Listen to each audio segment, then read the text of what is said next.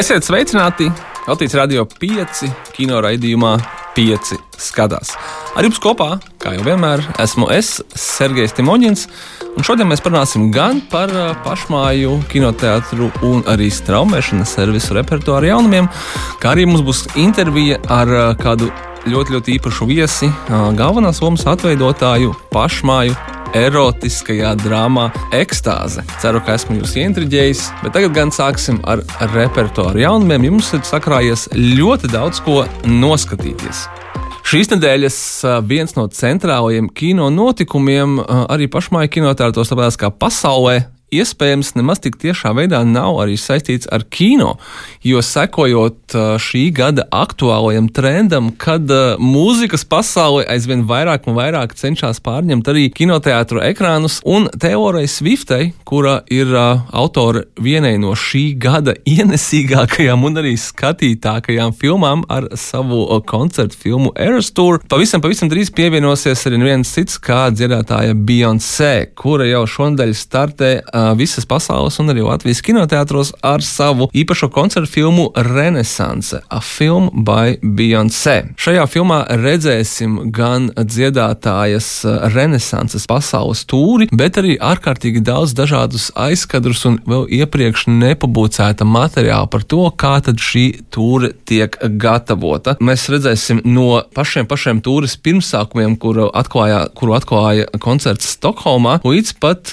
viņas lielajam finālam cīņām Kansas Cityjā, Misūrī. Nu, un uh, tad arī paralēli viss par to, kā Beyoncé darbojās ap šo tūri, cik nenormāli daudz cilvēku ir iesaistīti un, būsim godīgi, arī cik milzīgu enerģiju no pašas dziedātājas un arī no viņas komandas tas viss prasa. Jo gal galā tā nav vienkārši koncerta filma ar uh, dziesmām, kuru pavadījumā dejot, bet mēs gribam arī gūt ieskatu pašas Beyoncé personībā. Tā kā uh, visiem, uh, gan Beyoncé daļradas faniem, gan arī tiem, kam vienkārši patīk kvalitāte kvalitatīvas koncertu filmas ar nedaudz, nedaudz vairāk kā tikai dziesmām uz skatuves, noteikti pievērsiet uzmanību Renaissance film by Beyoncé. Tas ir, protams, ja jūs jau nebūsiet kinoteātrī kopā ar saviem bērniem, ar jaunākiem radiniekiem, atvasēm un, un vai vienkārši būt arī paši, jo ar šodienu kinoteātros arī jaunākā Disney studijas animācijas filma, kura startē gana laicīgi, lai varētu paspēt to noskatīties arī pie pirms Ziemassvētkiem, vai uh, uz Ziemassvētkos iet uz to otro vai trešo reizi, kā jau vienmēr Disneja studija to arī vēlētos.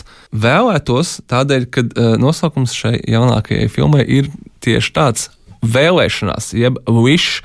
Uh, un uh, viņa stāsta par ašu, kas ir asprātīga ideāliste, uz uh, kuras karsto vēlēšanos tiek saņemta atbilde no kosmosa, un pie viņas nonāk bezgalīgās enerģijas zvaigzne. Kopā ar šo jauno draugu aši gatava aizstāvēt savus tuvākos no varanā valdnieka un pierādīt, ka uh, cilvēka, viena cilvēka drosmīga cilvēka garu var apvienot ar zvaigžņu maģiju un paveikt brīnumainas lietas. Respektīvi, ja jums ir patikušas pēdējā laika Disneja animētās filmas, elementāli, uh, neparastā planēta uh, un arī daudzas citas, tad nu, jūs zināt, uz ko ejat. Bet pati studija cer uz uh, savu lielo veiksmi, jo šogad aprit veseli desmit gadi kopš uh, filmas Frozen pirmizrādes. Un filma Frozen ir noteikti viena no, ja neteiktu, vispopulārākā uh, Disneja studijas animācijas filma.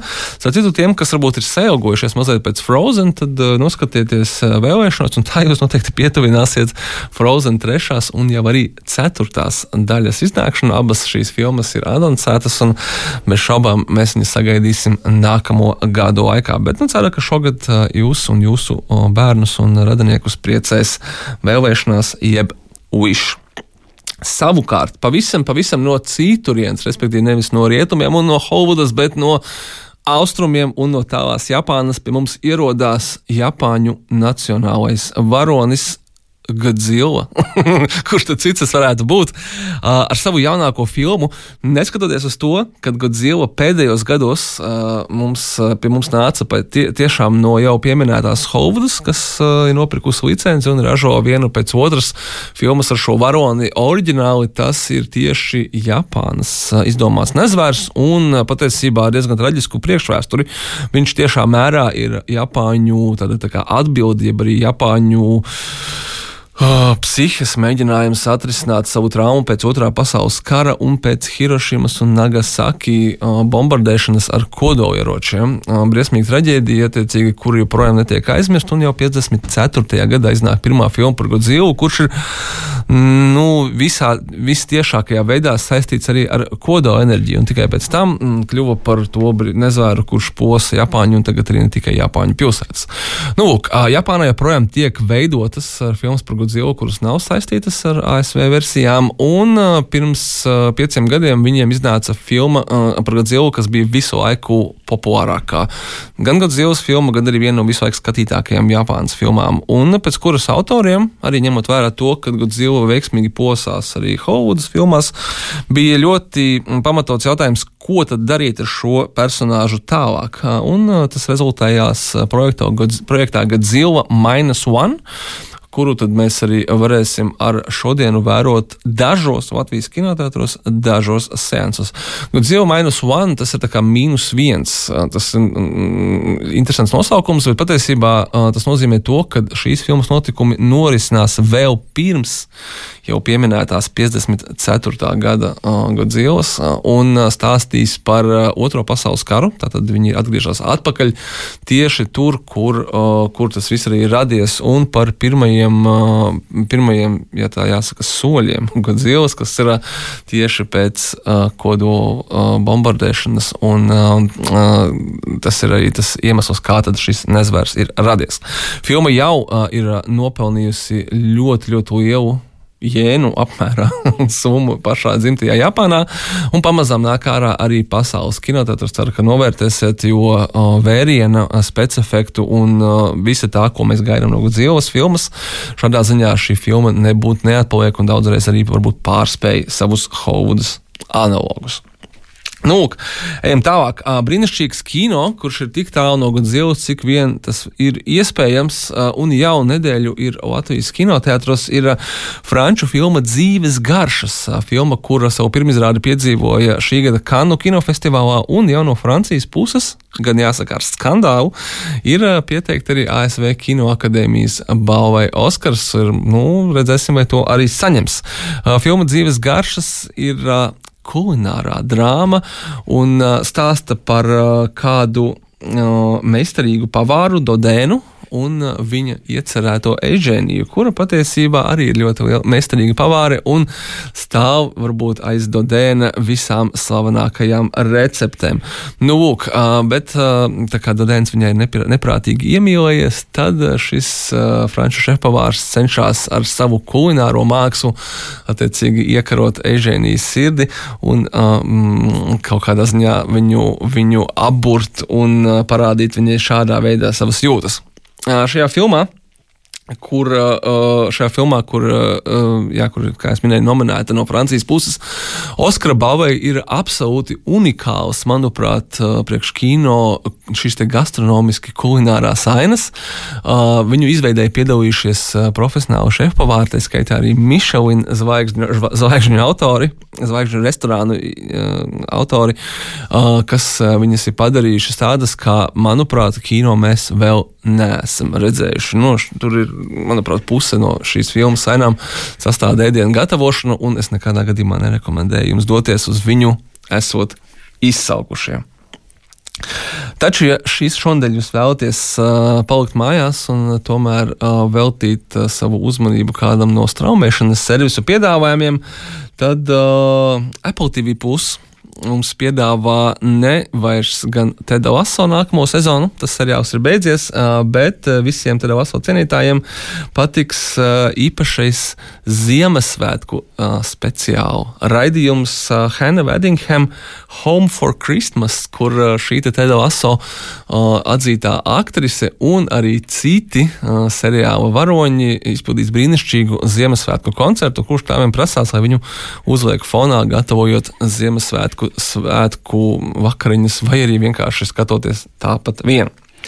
Savukārt, eh, paturpināt arī Godzillas tēmu, eh, tajā pašā Apple TV plus eh, nāk ārā viņu šī gada viens no lielākajiem, vai arī neteiktu lielākais seriāls, Monarch Legacy of the Monsters. Šobrīd jau pieejamas četras no astoņām sērijām, un šis seriāls kā reizi arī stāsta par um, pasauli, kurā ir uh, Hollywoods Godzilla un arī Hollywoods King Kongs un citi nezvēri, kurus jūs esat redzējuši pēdējo gadu laikā kinoteātros, uh, bet uh, ko tikmēr ir darījuši cilvēki, kas ir bijuši iesaistīti visos šajos notikumos, pastāstīs seriāls Monarch Legacy of the Monsters.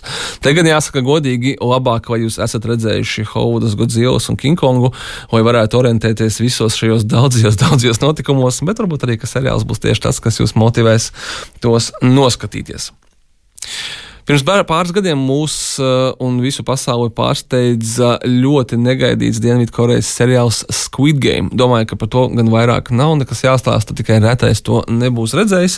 Uh, bet uh, kamēr gaidām seriāla otro sezonu, līdz tai vēl kāds laiciņš, un ar to es domāju, vismaz kāds gads, pusotrs, šī seriāla autora no Netflix piedāvā mums realitātes šovu Squid Game, kas ir ļoti interesanti, tāpēc ka šis seriāls kā reizi stāsta par nāvējošo realitātes šovu, kurā uz dzīvību un nāvi cīnās kādi nabaga cilvēki, mēģinot, mēģinot izcelt lielo piķi. Uh, šajā gadījumā realitātes šovā Squid Game notiks tieši tas pats, tikai bez letāliem iznākumiem, lai gan, uh, cik es saprotu, tad šī, ser, šī seriāla dalībnieki jau ir kopistiski iesūdzējuši straumēšanas servisu Netflix tiesā par ļoti, ļoti daudziem miljoniem par briesmīgu izturēšanos pret sevi uh, realitātes šovu filmēšanas laukumā. Bet ko gan viņi gaidīja? Viņi piedalās Squid Game realitātes šovā. Jā, pašā šovā mēs redzēsim tieši tās pašas lamatas un izaicinājumus, kurus mēs redzējām seriālā pirmajā sezonā, tikai nu, pielāgots mazliet teiksim, tā, realistiskākiem apstākļiem, lai tie cilvēki tomēr arī paliek dzīvi. Un tā, bet sekot tam līdzi diezgan interesanti un amizanti. Un es domāju, ka tas atbild uz daudzu cilvēku jautājumu, kas būtu, ja Squid Game šovs tiešām eksistētu realitātē. Nu, tagad viņš arī realitāte eksistē. Nu, lūk, un visbeidzot, tiem no jums, kas gribas, kā, kas vēlas kādu īstu ģimenisku kino un pārskatīt viens pats mājās, vairs nav nekādu spēku, arī tas ir vēl tikai plānos. Netflix piedāvā ikgadējo Ziemassvētku ģimenes komedi, komēdiju The Family Switch, kura gan piedāvās jums tieši to pašu stāstu, kuru jūs mēs, mēs visi esam redzējuši jau neskaitāmas reizes, kā būtu, ja pieaugušie un bērni samainītos vietām uz vienu dienu un izbaudītu attiecīgi bērni pieaugušo dzīves grūtības un pieauguši atgrieztos bērnu ķermeņos un uh, saprastu, ka, uh, nu, ja tie bērni ir niķīgi un nepaklausīgi, tad varbūt tam ir kaut kāds iemesls un viņi vienkārši viņus nesaprot un ir aizmirsuši, kā tas ir būt jaunam, mazam un, un bez nekādas atbildības. Uh, parasti šādās filmās Uh, ir galvenais varonis, un tad ir tas viņa otrs cilvēks, kurā viņi samainās vietām. Bet tā kā mēs dzīvojam uh, turpinājumu, sīkvelu un visā pārējā pasaulē, tad uh, Netflix komēdijā The Family Switch vietām samainās visa ģimene. Tēvs ar māti samainās ar bērniem, un, attiecīgi, bērni otrādāk, bet dzīve neapstājās īpaši, ja māte ir liela uzņēmuma vadītāja, tēvam ir savas atbildības, un bērniem ir savas problēmas skolā. Vecākus atveido brīnišķīgi aktieri Jennifer Garnera un Eds Helms, pazīstams gan pēc Office, gan pēc paģiru triloģijas. Tā kā daudzi smieklīgi brīži un neparasti atgadījumi jums ir garantēti. Šī gan ir tā filma, kur var skatīties ar visu ģimeni. Humors ir ļoti, ļoti pieklājības robežās. Tas arī viss par repertuāru jaunumiem, bet tagad gan ķersimies klāt par kaut ko pilnīgi pretēju ģimeniskam par pašmāju erotisko drāmu ekstāze un uh, intervija ar tās galvenās lomas atveidotāju Lindu Kalniņu. Uz Latvijas kino ekrāniem nonāk uh, jauna pašmāju filma Šoreiz kaut kas ārkārtīgi neparasts no ierastā pašmaikina repertuāra. Erotiskā drāma žanrs, kas pie mums nav pārāk pārstāvēts, bet uh, pasaulē ir gan skatīts, gan kinoteātros, gan straumēšanas servisos. Gan jau, kad varēsiet uh, nosaukt kādus piemērus, uh, katram tie būs savi. Un šodien kopā ar mums ir uh, filmas ekstāze galvenās lomas atveidotāja Linda Kalniņa. Labrīt, Linda. Labrīt. Uh, runājam ar tevi īpašā dienā. Filma vēl nav šobrīd atrādīta plašai publikai, gan pirmie skatītāji to jau ir redzējuši, un vakarā gaidām lielā pirmizrāde kopā ar komandu un ar visiem iesaistītajiem. Bet tu filmu jau esi skatījies, tā skaitā arī ar vienkāršiem skatītājiem. Kādas ir sajūtas šobrīd? Nu, uz šo brīdi ir superīgi, ka mēs jau esam parādījuši filmu, tāpēc ka tā ir īpaši sajūta skatīties filmu kopā ar savu auditoriju un ar skatītājiem. Un tās atsauksmes, kas līdz mums ir atnākušas līdz šim brīdim, ir tiešām pozitīvas, un tas um, uzlabo vēl vairāk um, omu un atmosfēru pirmizrādes dienā. Respektīvi, tas satraukums pirmais jau ir nost un ir tāds, tā mierīgāk. Filma ekstāzi ir veidojis režisors uh, Džilingers, un viņi ir balstīta uz uh, Karīnas Račko, bet šobrīd Karīnas Gleitneres uh, romāna. Tas arī, manuprāt, ļoti interesanti, kad, uh, un kam jau arī pareizi, kad, uh, lai gan Karīna ir nomainījusi uzvārdu, un tas ir viņas tiesības, un tas tikai normāli, ka cilvēki, cilvēkiem izdzīvē mainās, uh, bet filmas autori ir panākuši viņu vienošanos, kad uh, tiek izmantots, ka tā, tas ir balstīts uz Karīnas Račko romānu, citādi cilvēki būtu, man šķiet, ārkārtīgi, kas saka, confused. Un galvenās lomas atveido tā skaitā arī, piemēram, Edvards Johansons un Rihards Lepers, Signi Dancīta un arī citi aktieri. Un tu, lai gan šī tev ir pirmā lielā kino loma, pirmā vispār kino loma? Mm, pirmā, nē. Pirmā, nē. nē, tā nav pirmā. Bet tu esi jebkurā gadījumā ļoti saistīta ar uh, aktieru spēli, radošo industriju, teātris mākslu, tēlotāju mākslu. Tā izstāsti, kā tu nonāci šajā projektā.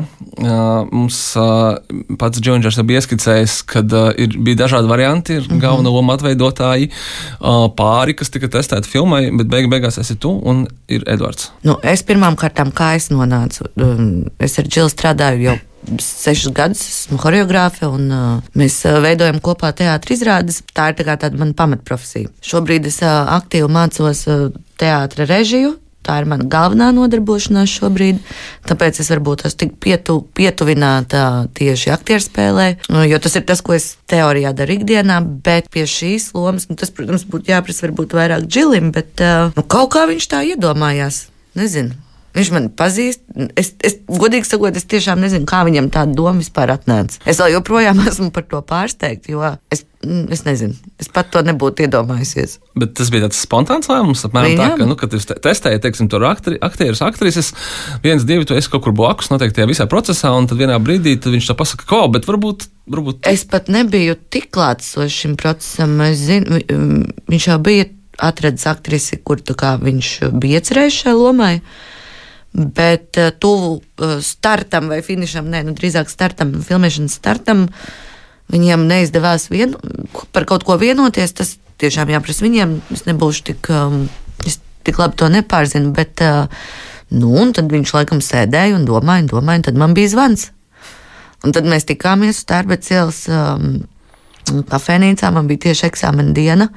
Es tur vazājos apkārt tām milzīgām kulisēm, jo man pašai bija izrādi jānodod un tā. Un, Tad viņš izteica šo piedāvājumu, un es biju mērnā šokā un palūdzu 24 stundas, lai apdomātos. Okay. Bet ņemot vērā to, ka tu esi saistīta ar, ar, ar teātru un aktieru spēli, tev aptuveni bija nojausma, ko tas nozīmē. Respektīvi, tā ir, Jā. tā ir filmas filma un tas ir seriāls. Jā. Tas ir vairāk kā 30 filmēšanas dienas, neskaitāmas lokācijas, neskaitāmas scenāriju lapas un vēl pie tam klāt tam visam tā ir erotiskā drāma, mm -hmm. kas ir paredzējusi šo šķautni. Viegli bija pieņemt šo lēmumu, vai, vai... Man, man bija. Tas nebija par viegli vai grūti. Tas bija drīzāk par to, ka es sevi diezgan labi pazīstu kā cilvēku, es zinu, ka man ir milzīgas darbspējas. Uh, iespējams, ja es to nezinātu, es būtu nobijusies. Bet to, ka es izturēšu, ja, ja mēs runājam par slodzi vai par apjomu, par to man nebija šaubu. To es zināju, un tāpēc es varēju tik. Uh, um, droši pieņemt šo lēmumu. Drīzāk man bija varbūt bail par to, vai tieši režisors, nu, es domāju par to, vai režisors nekļūdas, vai tiešām es atbilstu, man kaut kāda atbildība. Tad, kad es run, uh, domāju par, uh, tieši par Karīnu, uh, Man ir atbildība arī par, uh, pret viņu, tāpēc, ka es domāju, nu, kā cilvēks sēdēja, rakstīja grāmatu. Viņš uh, iz, iztēlojās tēlus, rakstīja šos tēlus, kaut kāda bilde galvā bija, un tad man šķiet, ah, un tagad es esmu šajā sejā, šajā ķermenī, šī tēla iemiesojums. Un es domāju, kā viņus to skatās. Varbūt, biju, varbūt šis tēls viņas galvā bija kaut kas absolūti cits. Vai nezinu, nu, man būs ļoti interesanti. Mēs neesam personīgi pazīstami, mēs esam pāris reizes komunicējuši telefoniski, jo man bija ļoti svarīgi. Man bija svarīgi viņai pateikt, ka es atveidošu šo lomu, uzrakstīt, pajautāt, vai ir kāda norādījuma arī no viņas puses, ko es varu varbūt izpildīt. Man būs interesanti iepazīties un pēc filmas ar viņu arī par šo parunāt. Viņai bija kāda īpaša norādījuma, viņa. Nē, viņa man uh, ļoti jauki atbildēja, ka viņa ir pietiekami daudz komunicējusi arī ar Džili. Un, un pietiekami iepazinušies un par scenāriju izsprieduši, lai viņš būtu tas, kurš man uh, šos norādījumus dod. Tā kā Viņa teica, ka viņa uzticas, un tas bija, bet man bija svarīgi to izdarīt. Jā. Tu ne, nebija iepriekš pazīstama ar Nē, viņu. nē. Bet vai tu biji pazīstama ar viņas zairadi? Nē, es tiešām nebiju. Es nebiju, un es varu atzīties, grāmatu kā tādu es neesmu izlasījusi. Es esmu lasījusi tikai scenāriju.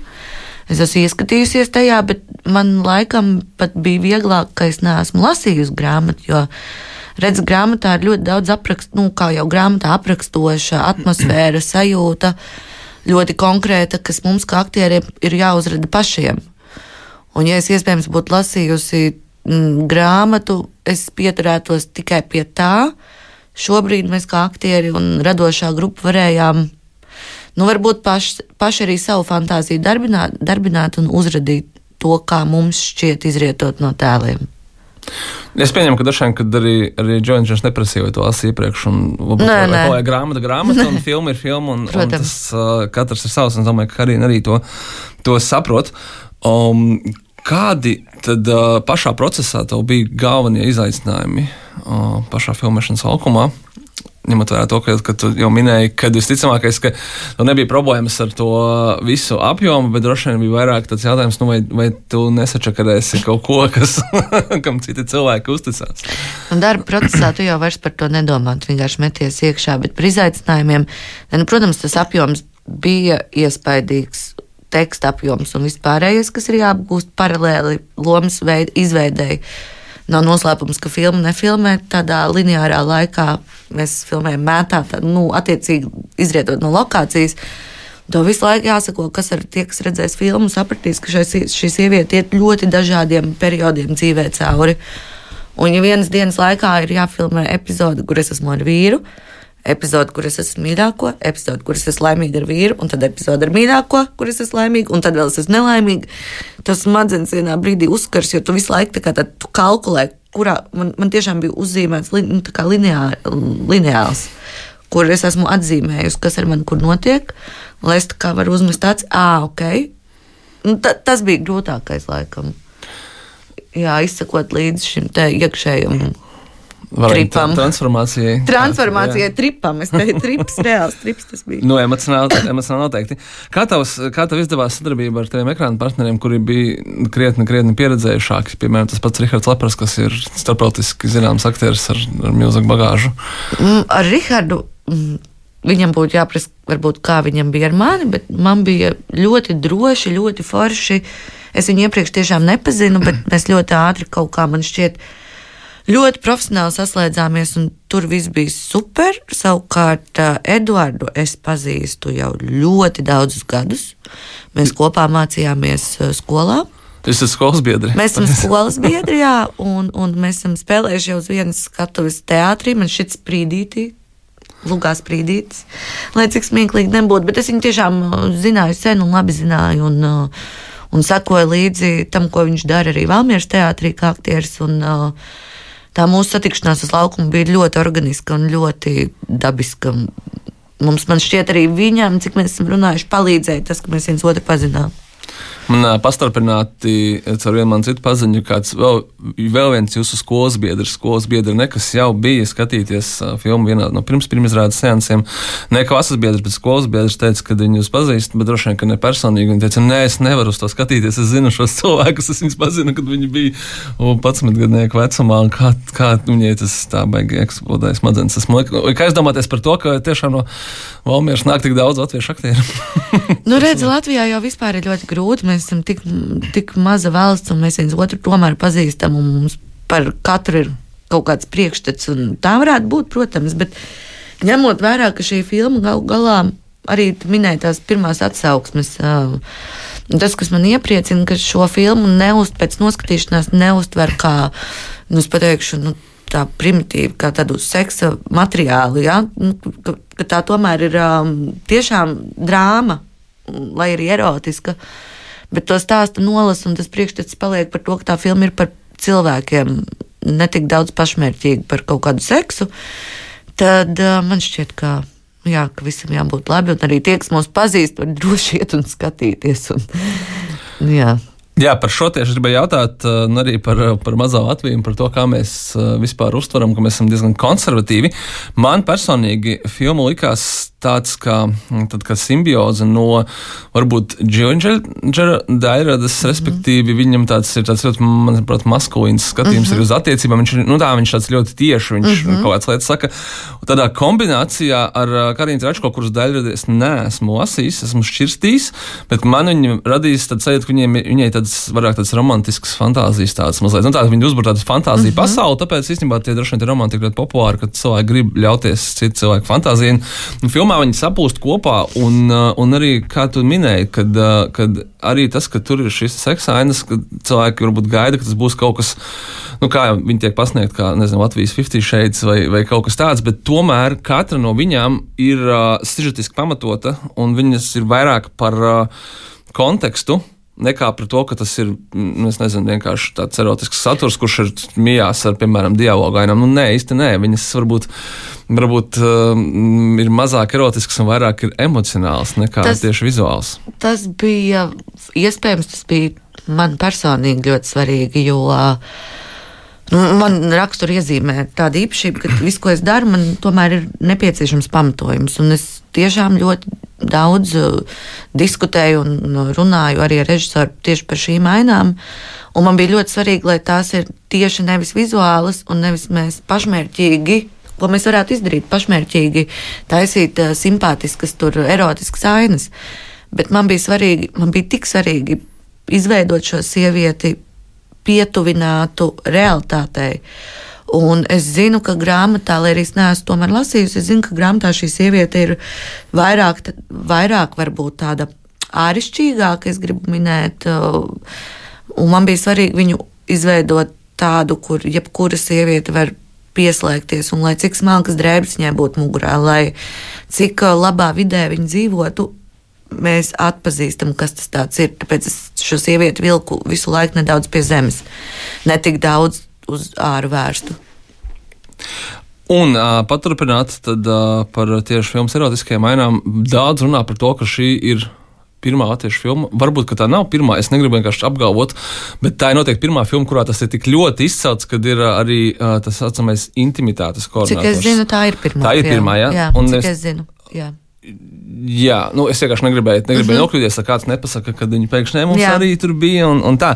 Bet noteikti, ka šajā filmā uh, ir un nevis tā saucamais intimitātes koordinators, bet, bet tas, es gribētu zināt, nu, vai tas tiešām tas sanāk ir tā es pareizi saucu šo terminu. Jā, jebkurā gadījumā tas ir kaut kas, kas ir tikai pēdējos gados iegājies arī kino industrijā. Latvijā. Nu, jā. Pasaulē arī, arī īstenībā, pasaulē, kā, jā. īpaši pēc visiem mītū skandāliem mm -hmm. un tā, ka, cilvēki, nu, kad aktieriem ir nepieciešams šis papildus cilvēks, kas ir kāds drošinātājs, mm -hmm. lai varbūt uh, režisors vai citas filmas autori neaiziet. Un šajā sakarā man arī likās ļoti interesanti, e, kā, kā bija strādāt ar intimitātes koordinatoru. Man liekas, ka Džilingers, kuru es varbūt nepazīstu tik labi kā tu, kad uh, viņš izstāsta pēc tāda mākslinieka, kurš saka, nē, tagad būs šitā un punkts, un mēs tagad radīsim un, un, un iesim līdz galam. Un... Nu, pirmā, es nezinu, kā viņam būtu strādāt ar uh, citu aktrisi, jo ņemot vērā, ka mēs strādājam ilgi, tad man ir šī privilēģija, ka es viņam varu pateikt, nu, nē, stop, tā kā, vai daram šādi. Um, un viņš arī mani dzird un klausās, bet uh, Ieva, kas bija mūsu intimitātes uh, koordinātori, ir, tas ir ļoti labs pienesums filmām, jo es esmu komunicējis ar uh, citām uh, te, um, aktrisēm, kurām ir bijusi šāda, šāda aina pieredze, un kur nav bijusi šis cilvēks kā intimitātes koordinators. Un tad ir tā, ka no rīta pie, nu, viņi stāsta no rīta piecelies, tu zini, ka tev ir šādas ainas, tu nezini, kas tev tur būs jādara. Tas rada stresu, spriedzi, jo nav uh, pierasti apstākļi, ka mums ar sešu cilvēku ir jābūt uh, kailiem vienā telpā un tā tālāk. Un tas rada pastiprinātu stresu, un tu nevari domāt par darbu, tev jādomā par um, šiem stresa elementiem. Šādā ziņā mums bija ļoti vienkārši, jo mēs bijām tiešām choreogrāfiski visu izmēģinājuši, atrunājuši. Mēs zinājām, kas notiks, kā būs, un tad uz laukuma uh, filmēšanas laukumu. Ja mums eh, pašiem kā aktieriem bija sajūta par kaut kādu improvizētu darbību, vai mēs gribam vēl, mums šķiet, ka šiem tēliem vēl vajadzētu pamēģināt kaut ko tādu vai tādu. Tad tā, tā ir mūsu atbildība. Mēs sakām, Ieva, nebrīnīties, mēs gribam pamēģināt šo vai šo vai šo. Bet kaut kādas ļoti stingras robežas arī attiecībā uz tādu privāto zonu ir noliktas. Piemēram, aina. Kur ir uh, intīmas, intīma aina mm, ar ledu, kā redzēja filmu. Tas, tā, tā bija mūsu tāda Redvardu uh, fantāzija, ko mēs sapratām, ka tas būtu, ej, tas varētu būt interesanti, forši, un tad jau palīdzēja attīstīt. Tā kā, tādā ziņā Čils uh, suprīgs, jo viņš pieļauj mūsu šādus ierosinājumus. Mm, tas, respektīvi, tas šajā ziņā viss bija beigas super. Tur bija ļoti gudri un, un ar ievas palīdzību. Jā, tas, tas mums bija brīnišķīgi. Nu, šīs noteikti nebija grūtākās ainas. Grūtākās ainas bija naktī Pāvilostā, kur ir. Jā, ļoti liela vasara, bet bija grādi tieši man šķiet desmit, un filmēšanas grupa ir, nu, to jebkurš aktieris zina, kā ir filmēties briesmīgos, nu, augstos apstākļos. Un, vai arī tiešām tādas emocionālas ainas, kas man bija varbūt izaicinošākas pašai. Jā, intīmās ainas bija. Vismaz priekš manis bija tas bija droši, forši, labi ar humoru, operātori brīnišķīgi. Arī tas ir svarīgi. Tas ir nenormāli svarīgi arī tas, ka nu, teiksim, šāda, šāda tipa filmā, ka tu saki, ka tas bija, tas bija viens no vieglākajiem. Tas nozīmē, ka, ka nu, tā tam nu, arī ir jābūt. Ir, ir jāfokusējas uz citu, nevis jāatcerās nevis... to, kas būs. Un, tieši un, un, tā. Tā. Tāpēc, ka nu, teiksim, par tur kaut kādu nezinu, gaismu vai skaņu neviens jau nestresē, vai ne? Tāpēc arī nevajadzētu par šo. Nu, es, domāju, es ceru, ka uh, visi skatītāji novērtēs šo, te, manuprāt, ārkārtīgi drosmīgo uh, izaicinājumu. Tas tā mm. ir. Tas ir, tas ir ļoti liels projekts, ļoti liels izaicinājums un, un kas visticamāk visticamākais arī. Nu, būsim godīgi, iet roku rokā ar daudziem uh, komentāriem internetā un arī ārpus tā no līdz cilvēkiem un arī no pilnīgi nepazīstamiem cilvēkiem, kas izteiks savu viedokli par to, uh, kā ir, kā ir būt um, vidē, kur tu skaties uz savu seju no visiem filmu plakātiem, sākot ar drukas un beidzot ar interneta baneriem. Kaut kā mm, šis seriāli. periods ir, ir, es teikšu tā, ir seriāli, jo es nebiju tik tālu aizdomājusies. Mēs izdarījām, mēs nofilmējām filmu, es ļoti, ļoti gaidīju tiešām šo te uh, nedēļu, kad šī filma sasniegs skatītāju, bet tad, kad tu ieej kino vai visur redzi šīs filmas tādu publicitāti, Protams, ka ir seriāli. Nevar noliegt. Un tu dzirdi no visām malām jau pēc divām, divām filmas dienām. Dzirdi komentārus un redzi atsauksmes un spriedumus, tad tas ir, man liekas, ārprāts. Tas ir dīvaini, protams. protams. Nu. Es saku izturības par šo, bet es domāju, ka ja pirmās atsauksmes saka, ka ir brīnišķīgi paveikts darbs, un es ceru, ka ne pēdējais. Nu, cerams. Jā. Paldies, tev, Linda. Filma kinoteātros visā Latvijā no 1. decembra.